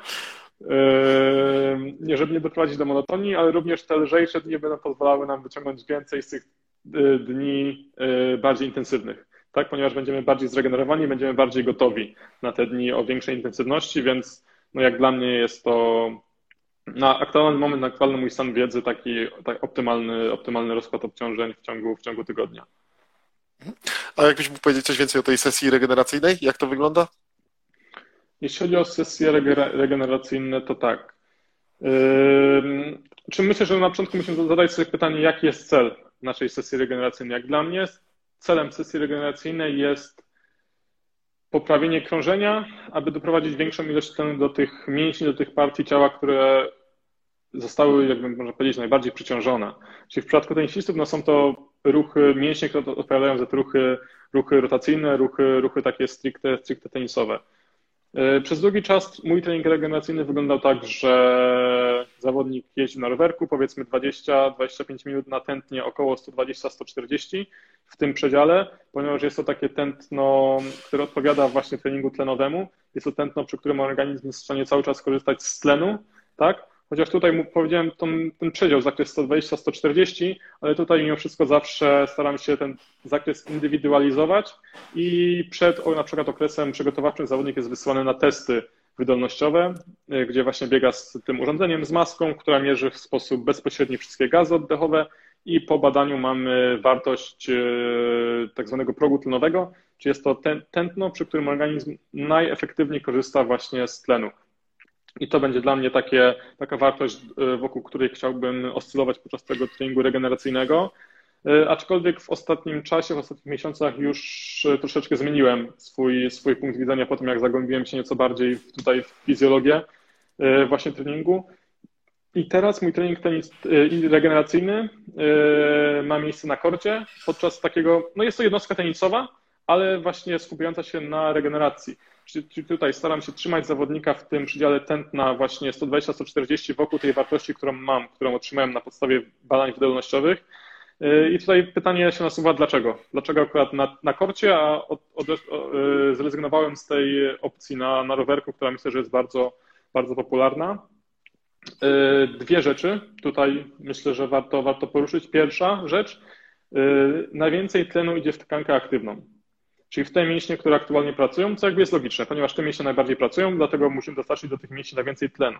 Także pierwsze tutaj pytanie, jeżeli gram w tenisa, cały czas używam mięśni tutaj odpowiadających za rotację, mięśnie skośne brzucha, tutaj biodra w rotacji, tak, a następnie zawodnik idzie na rowerek na 20 minut i pedałuje w takim ruchu, ruchu liniowym, gdzie tak naprawdę pracują tylko i wyłącznie kończyny dolne i to też również ograniczona ilość mięśni, czyli do tych mięśni tak naprawdę jest dostarczany tlen, no, czy, czy, i tutaj od razu możemy zapytać, czy to naprawdę jest to, co chcieliśmy uzyskać poprzez ten trening regeneracyjny, bo biorąc pod uwagę, że tlen idzie do tkanki aktywnej, a na, podczas jazdy na rowerku stacjonarnym lub podczas biegania ta tkanka aktywna jest to zupełnie inna tkanka niż podczas gry na korcie, no to moim zdaniem już tutaj już powinna nam się lampka zaświecić, że może to nie jest do końca optymalny, optymalny punkt widzenia na tą kwestię. No i druga rzecz to jest, to jest, powiem tak można powiedzieć bardzo biologicznie, budowanie mitochondriów w tych, w tych mięśniach tenisowych i już jakby to, to sprostuje. E, znaczy organellami w naszych komórkach, które odpowiadają za produkcję energii są właśnie, właśnie mitochondria. Tak, czyli im więcej będziemy mieć tych mitochondrii, tym łatwiej będzie nam korzystać z energii, ponieważ będziemy mieli tej energii więcej. I są również badania, które właśnie pokazują, że trening tlenowy, czyli trening na takiej niższej intensywności właśnie prowadzi do wzrostu liczby tych mitochondriów, ponieważ jeśli, chodzi o trening mitochondriów, mamy dwa takie najbardziej podstawowe aspekty. Albo możemy budować, y, właśnie rozbudowywać ilość tych mitochondriów właśnie poprzez trening tlenowy, albo możemy wzmacniać ich output, czyli jakby ich moc, po, po, poprzez właśnie trening y, interwałowy. Czyli są to dwa różne treningi, które wpływają inaczej. Myślę, że to również powinniśmy brać pod uwagę przy przypisywaniu konkretnego jednego z tych dwóch rodzajów treningu. Także po, poprzez taki trening, e, no i również te mitochondria budowane są w tych mięśniach, które pracują najbardziej. Jakby tutaj nawiązując do tego treningu tlenowego, jeśli chodzi o dostarczanie tlenu do aktywnych mięśni. Czyli poprzez taki trening tlenowy na korcie w formie gry w tenisa jesteśmy w stanie, a po pierwsze, zregenerować tak naprawdę te mięśnie, które chcemy zregenerować, które potrzebują tej regeneracji, ponieważ to idzie do tkanki aktywnej, i po drugie, tak naprawdę budujemy mitochondria w tych mięśniach tenisowych, czyli coś, co w perspektywie długofalowej spowoduje, że nasze ruchy będą bardziej ekonomiczne, ponieważ będziemy mieli więcej, e, więcej energii, będzie na to wszystko przychodziło z większą, z większą łatwością. Wiem, e, że w polskim środowisku tenisowym ten trening tlenowy może nie do końca cieszy się taką dobrą opinią, ponieważ dlatego, że 70% mm, jakby czasu na korcie to jest praca w systemie podczas wymian, to jest praca, praca bez tlenowania kwasą mlekowa. To są wymiany do, do 15 sekund, mniej więcej, tak? Czyli jakby stricte taki komponent tlenowy jest bardzo mały, y, ale również trening tlenowy pozwala nam się lepiej regenerować pomiędzy, pomiędzy punktami. I tutaj myślę, że najlepiej to zobrazuje jedna statystyka, którą przytoczę.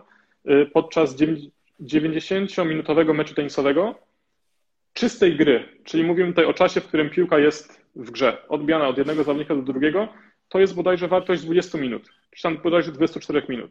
Czyli z, z 90 minut meczu tenisowego czystej gry mamy około 25 minut.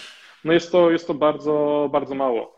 I tutaj więc moim zdaniem powinniśmy zrobić co możemy, aby jak najwięcej wykorzystać ten czas, który mamy właśnie pomiędzy punktami, bo jest to 3 czwarte całego spotkania tenisowego. I im będziemy mieli lepiej rozwinięty system tlenowy, tym będziemy lepiej regenerowali się pomiędzy punktami, ponieważ e, jedną z funkcji mitochondriów jest również neutralizacja, e, neutralizacja kwasu mlekowego, mleczanu, który powstaje podczas mięśni i im, i to ogólnie przyjęło się, że to jest taki, można powiedzieć, zbędny produkt przemiany materii, taki bardziej on kojarzony w sposób negatywny. Tak? Przynajmniej ja przynajmniej tak to, tak to kojarzyłem, co nie do końca jest prawdą. Yy, naszym celem jest jakby przygotować nasz organizm poprzez odpowiedni trening do jak najlepszej neutralizacji tego kwasu mlekowego mleczanu, ponieważ jeśli nasze mitochondria będą funkcjonowały w dobry sposób, to ten kwas mlekowy mleczan będzie przekształcony na energię. Czyli będziemy czerpali z niego jakby dodatkowe, dodatkowe korzyści. Dlatego im lepsze przygotowanie tlenowe, tym lepiej, szybciej zawodnik się regeneruje pomiędzy punktami, ponieważ jego mitochondria są lepiej przygotowane do właśnie, umieją lepiej wykorzystywać ten, ten y, powstający podczas tego czasu wysiłku yy, mleczan znajdujący się we, we krwi i kwas, kwas mlekowy w mięśniach. Także yy, może jeszcze wrócę do tego, co powiedziałem, że w tym polskim środowisku ten trening tlenowy nie cieszy się jakąś super opinią, Y, też dlatego, że większość osób właśnie kojarzy go z takim mierzeniem na rowerku, w którym pracują mięśnie bardziej wolne, a jak wiemy na korcie pracują mięśnie, te włókna szybkie bardziej, tak?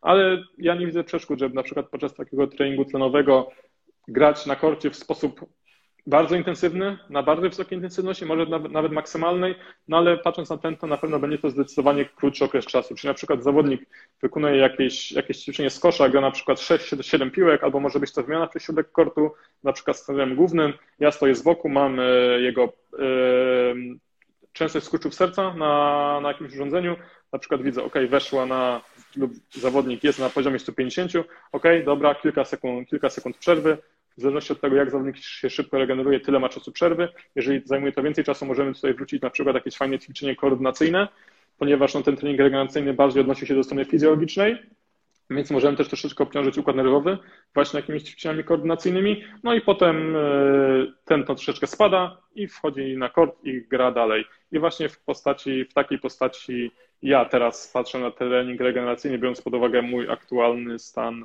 stan wiedzy może trochę się rozpędziłem, więc jak coś było niejasne, może gdzieś użyłem jakiegoś skrótu myślowego, to, to od razu teraz pytaj, to, to postaram się sprostować. Jeszcze tylko dodam, że ta koncepcja, o której teraz powiedziałem, to nie ma tego nigdzie w żadnych badaniach naukowych, w żadnych artykułach, ponieważ jest to koncepcja, którą jakby ja sam wymyśliłem na potrzeby właśnie treningu regeneracyjnego moich zawodników, moich tenisistów i bazowałem tutaj tylko i wyłącznie na mojej aktualnej wiedzy, no ale biorąc pod uwagę te wszystkie rzeczy fizjologiczne, to myślę, że że ma to sens, ale jak y, może widzisz jakieś tutaj zastrzeżenia, to, to śmiało, śmiało, śmiało mów. Znaczy myślę, że tutaj trzeba będzie y, zaprosić y, innych tutaj trenerów z tenisa, żeby sprawdzili, jak to wygląda u ich zawodników i wtedy można, wiesz, jakąś tam nową koncepcję obudować, jeżeli chodzi, patrzy, postawić na, na, na bazie tego, co zaproponowałeś. E, znaczy, no jedyne, co bym chciał e, ewentualnie dodać, no to kurczę, tutaj jak ktoś już tak się nie chce wchodzić stricte w ten trening, w tą sesję regeneracyjną na, na boisku, jeżeli chodzi o wymiany, no to mhm. wystarczy wymienić e, rowerek na Orbitrek i wtedy już ta kończyna górna trochę bardziej popracuje i myślę, że to będzie bardziej efektywne z punktu widzenia regeneracji dla kończyny górnej. Nie wiem, czy byś się... Na pewno, na pewno, na pewno, na pewno tutaj się zgadzam, no bo tak jak mówisz, zaangażowane już całe ciało, E, co prawda nie w takim charakterystycznym wzorcu, bo jest, mimo wszystko jest to praca bardziej liniowa, tak? No ale już tutaj pracują kończyny, kończyny górne, więc jakby idziemy w dobrym kierunku, moim zdaniem, przerzucając no to, na przykład z rowerka na orbitrek, nie? To tak mówię, no jeżeli ktoś już nie chce, nie chce szukać żadnego jakiegoś tam skomplikowanego rozwiązania, to, to myślę, że będzie naj, najprostsze, żeby było bardziej efektywne dla kończyn górnych, nie? Jasne. Dla, dla całego ciała można powiedzieć, tak? Bo i kończyny dolne, i kończyny, kończyny górne i tutaj się jak najbardziej, y, jak najbardziej zgadzam. Mhm. Okay. Może nawet A będzie jest... to bardziej, bardziej praktyczne niż ten, ten rowerek, chociażby pod względem samej kończyny dolnej, ponieważ na rowerku no, siedzimy, kręcimy w miejscu, a na takim orbitreku no, jest pozycja stojąca, tak? No, czyli już jest to pod tym kątem bardziej zbliżony do tego, co obserwujemy podczas, podczas sportu. Więc nie tylko kończyny górne, ale widzę też tutaj benefity, jeśli chodzi o kończyny dolne. Czyli zdecydowanie bardziej funkcjonalny. Moim zdaniem w tym kontekście, o którym rozmawiamy, tak. Okej. Okay. E, dobrze. I jeszcze w sobie z tej części, którą chciał, o co Cię chciałem zapytać, to mamy prawie wszystko. E, tylko chciałem zapytać jeszcze o tą część e, prehab, czyli tą prewencję urazów, czy tam rehabilitację. Czy stosujesz to też w ramach jednostek treningowych już stricte na korcie, czy jako osobna, osobna jednostka? Bardzo dobre pytanie. Staram się mieszać mieszać. Powiem tak. Yy... Ogólnie, moim zdaniem, trener przygotowania motorycznego w tenisie powinien dużo czasu spędzać na korcie. I też współpracować właśnie z trenerem tenisowym tak stricte na korcie, poprzez właśnie takie różnego rodzaju treningi też zintegro zintegrowane. Tak to, tak to nazwijmy, w którym ćwiczenia motoryczne są łączone z ćwiczeniami technicznymi tenisowymi. I na przykład podczas takiego, takiej jednostki, na przykład zawodnik ma gorzej funkcjonującą łopatkę, na przykład mogę wykonać z nim jakieś ćwiczenie aktywujące mu mięsień, na przykład zębaty przedni, i potem zawodnik na przykład wchodzi od razu, bierze kilka piłek i serwuje. Czyli jakby jest taki od, od razu transfer z ćwiczenia fizycznego do ćwiczenia technicznego. I to jest taka, takie jeden, jedno miejsce, w którym znajdują się takie ćwiczenia typu prehab, ale to już bardziej pod takim kątem performance'u, można powiedzieć. W innych scenariuszach to zależy też, ile czasu mogę spędzić z zawodnikiem, tak? Ponieważ jeśli mogę spędzić z zawodnikiem dużo czasu, no to jak naj, wolałbym, żeby te wszystkie ćwiczenia były wykonywane pod moim okiem, no bo tutaj bardzo minimalny szczegół, szczególnie jeśli chodzi o tą łopatkę, gdzie mamy dużo mięśni, może powodować, że ćwiczenie będzie tak naprawdę pracowało pod, w innym celu, na osiągnięcie innej adaptacji niż tą adaptację, którą chcemy, na, na przykład te kompensacje i dysbalanse mogą, mogą się pogłębiać. Ale jeśli na przykład nie mogę spędzać z zawodnikiem tyle czasu, ile bym chciał, na przykład, żeby przeprowadzić tę sesję, no to przeważnie po takim wstępnym, e, takiej wstępnej diagnozie tych wszystkich rzeczy, o których wcześniej mówiłem, dysbalansów, asymetrii, ustalam e, zestaw takich ćwiczeń do, do domu. Przeważnie ustalam zestaw A i B, ponieważ gdyby zawodnik miał wykonywać trzy lub cztery razy w tygodniu jeden zestaw, no to myślę, że po dwóch tygodniach już miałby tego serdecznie dosyć. A tak to jest ta, ta rotacja, więc dwa razy w tygodniu wykonuje zestaw A, dwa razy w tygodniu zestaw B. Są to zestawy przeważnie składające się z, w zależności od tego, ile rzeczy chcemy zaadresować, ale od 6 do 8 ćwiczeń, tak? No i zawodnik wykonuje na przykład dwie serie tych, e, tych zestawów, co łącznie, tego zestawu, co łącznie zajmuje mu na przykład pół godzinki czasu. Więc myślę, że pół godziny zawodnik myślący perspektywicznie o grze jest w stanie znaleźć na tego typu trening.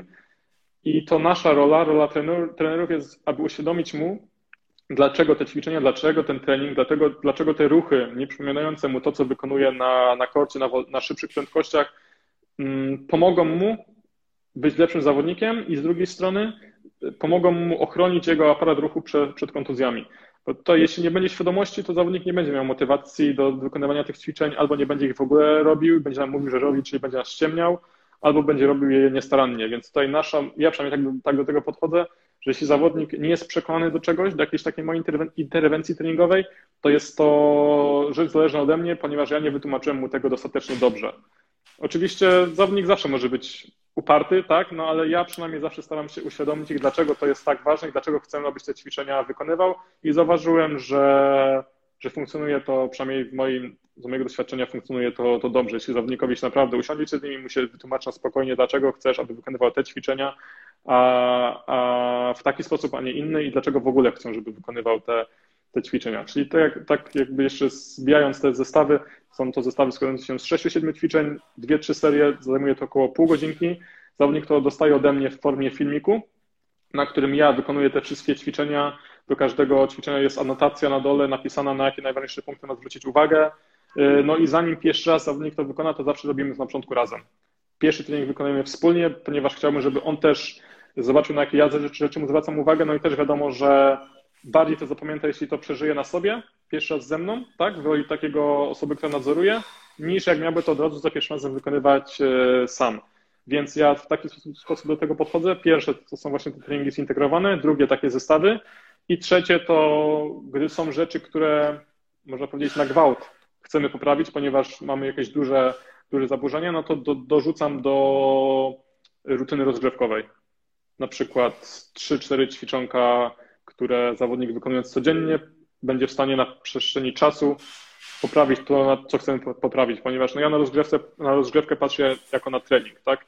Jeżeli zawodnik ma na przykład trening 5 dni w tygodniu, rozgrzewa się na przykład 20 minut przed, każdy, przed każdym treningiem, no to już mamy ile? 50, yy, 100 minut rozgrzewki w ciągu, w ciągu tygodnia, czyli półtorej godziny, tak? W ciągu miesiąca to już jest 6, może być 6, 6 godzin, tak? Więc jest to bardzo duża ilość czasu i zamiast po prostu rozgrzewać się, ja traktuję to jako czas właśnie poświęcony na, na, na trening i, i też myślę, że się to dobrze, dobrze sprawdza. Okej, okay. tutaj y, bardzo fajnie, że zwróciłeś uwagę na dwie rzeczy. Y, pierwszą, y, myślę, że najważniejszą, jeżeli chodzi o całą prewencję, no, o edukację, czyli żeby uświadomić zawodnikowi, po co to dlaczego to ćwiczenie ma robić i jaki to, jaki to ma wpływ i jakie korzyści z tego będzie czerpał. A drugą rzecz, e, to co wspomniałeś o treningu, e, o wzmacnianiu stabilności tej łopatki w kontekście mięśnia zębatego, e, po, trening, po ćwiczeniach wchodzisz do treningu typowo pod kątem dyscypliny, żeby nie zostawiać zawodnika, żeby przeprowadzić całą jednostkę na przykład treningu siłowego i puścić zawodników do domu bez, bez, bez sprawdzenia się w nowych, w może inaczej, bez sprawdzenia nowych możliwości w danej funkcji, nie? Bo tak, to myślę, tak, że jest też kluczowe. Dokładnie, dokładnie tak. No i to oczywiście nie tyczy się tylko mięśnia zębatego, to może się, znaczy, dotyczyć no każdego miejsca w ciele. No i tak jak powiedziałeś, no jest to tak, że zawodnik wykonuje jedno ćwiczenie ze mną, wchodzi od razu na przykład na kort, serwuje kilka razy, schodzi, wykonuje ćwiczenie ze mną i tak jakby na takiej zasadzie funkcjonujemy podczas, podczas takiej jednostki zintegrowanej. No i tutaj mogę powiedzieć też z doświadczenia, że transfer jest, jest yy, bardzo fajny, zdecydowanie szybszy niż gdy takie ćwiczenia wykonuje się w izolacji. I tutaj również mogę od razu powiedzieć, że ja z całego serca zachęcam trenerów przygotowania motorycznego pracujących z tenisistami do wejścia na kort i do treningów właśnie na, na korcie. No, moim zdaniem najważniejszą taką zdolnością motoryczną, funkcją motoryczną tenisisty jest poruszanie się po korcie. Wszystko, co robimy na, na siłowni w postaci treningu siłowego, jakiejś plyometrii, hamowań, wszystko ma na celu właśnie usprawnienie poruszania się zawodnika po korcie. Więc jeżeli będziemy pracowali nad jakimiś e, z angielskiego footwork patterns, z takimi wzorcami ruchowymi, jeśli chodzi o kończyny dolne, e, różne rodzaje kroków poza kortem, na przykład na siłowni, na salce, na dworze, gdziekolwiek, ale nie na korcie, mm, to transfer będzie no zdecydowanie, przynajmniej z mojego doświadczenia tak wynika, wolniejszy, i trudniejszy do zrealizowania niż na przykład jeśli wykonujemy ten trening na, na korcie. Zawodnik porusza się na tych takich tenisowych dystansach, y, widzi linię, widzi siatkę, jest to dla niego zdecydowanie, zdecydowanie łatwiej do zwizualizowania mm, jakby takiej prawdziwej, e, prawdziwej gry, a nie tylko, że biega, wykonuje jakieś drille różnie na pracę nóg. I tak naprawdę, no wiadomo, że wie, dlaczego to robi, bo to też jest rola trenera, żeby to wytłumaczyć, no ale ja przynajmniej zauważyłem, że transfer zachodzi naprawdę zdecydowanie szybciej, jeśli treningi są przeprowadzane na korcie w naturalnym środowisku, środowisku tenisisty. No dokładnie, to tak jak powiedziałeś, to, to jest świetne podsumowanie, że wszystko, co robimy poza kortem, powinno mieć też przeniesienie na kort, nie? Żeby było, ten, było widać e, tak, potem tak. jakości. Znaczy, może nie wszystko, nie wszystko, bo może no, często chcemy po prostu, znaczy zawsze chcemy, aby nasz tenisista był również coraz lepszym sportowcem tak więc też wykonujemy rzeczy, które, które no niekoniecznie może od razu przełożą się na to, jak będzie się zachowywał na korcie, ale na pewno przełożą się na jego zdrowie i podniosą jakby jego taką podłogę y, umiejętności fizycznych, czyli stworzymy lepszą bazę ogólną, z której później będziemy mogli wychodzić już do konkretnych, specyficznych, specyficznych rzeczy. Dlatego w przygotowaniu motorycznym no, jest duża część tej pracy ogólnej, szczególnie w przypadku dzieci, gdzie tak naprawdę ta praca ogólna to czasami jest 100% planu, tak? Chyba, że ktoś chce stworzyć, nie wiem, mistrza świata do lat 12, który w wieku 14 lat już nie będzie grał w tenisa, tak? Ale myślę, że nie o to, nie o to nam chodzi, więc ta, ta praca na podstaw jest, jest, jest yy, kluczowa. I to i u zawodników yy, w kategoriach juniorskich, i u seniorów, tylko oczywiście tam już w zależności, w zależności od osoby w mniejszym, mniejszym stopniu niż u, u dzieci. Okej, okay. dobrze.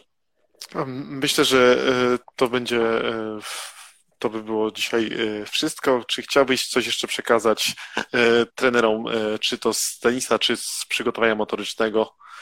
Jakieś jeszcze przesłanie na, na koniec? Przepraszam, czy, czy mógłbyś tylko, tylko powtórzyć, bo zaczęło akurat zacinać i nie, nie za bardzo słyszałem. Okej, okay, dobrze.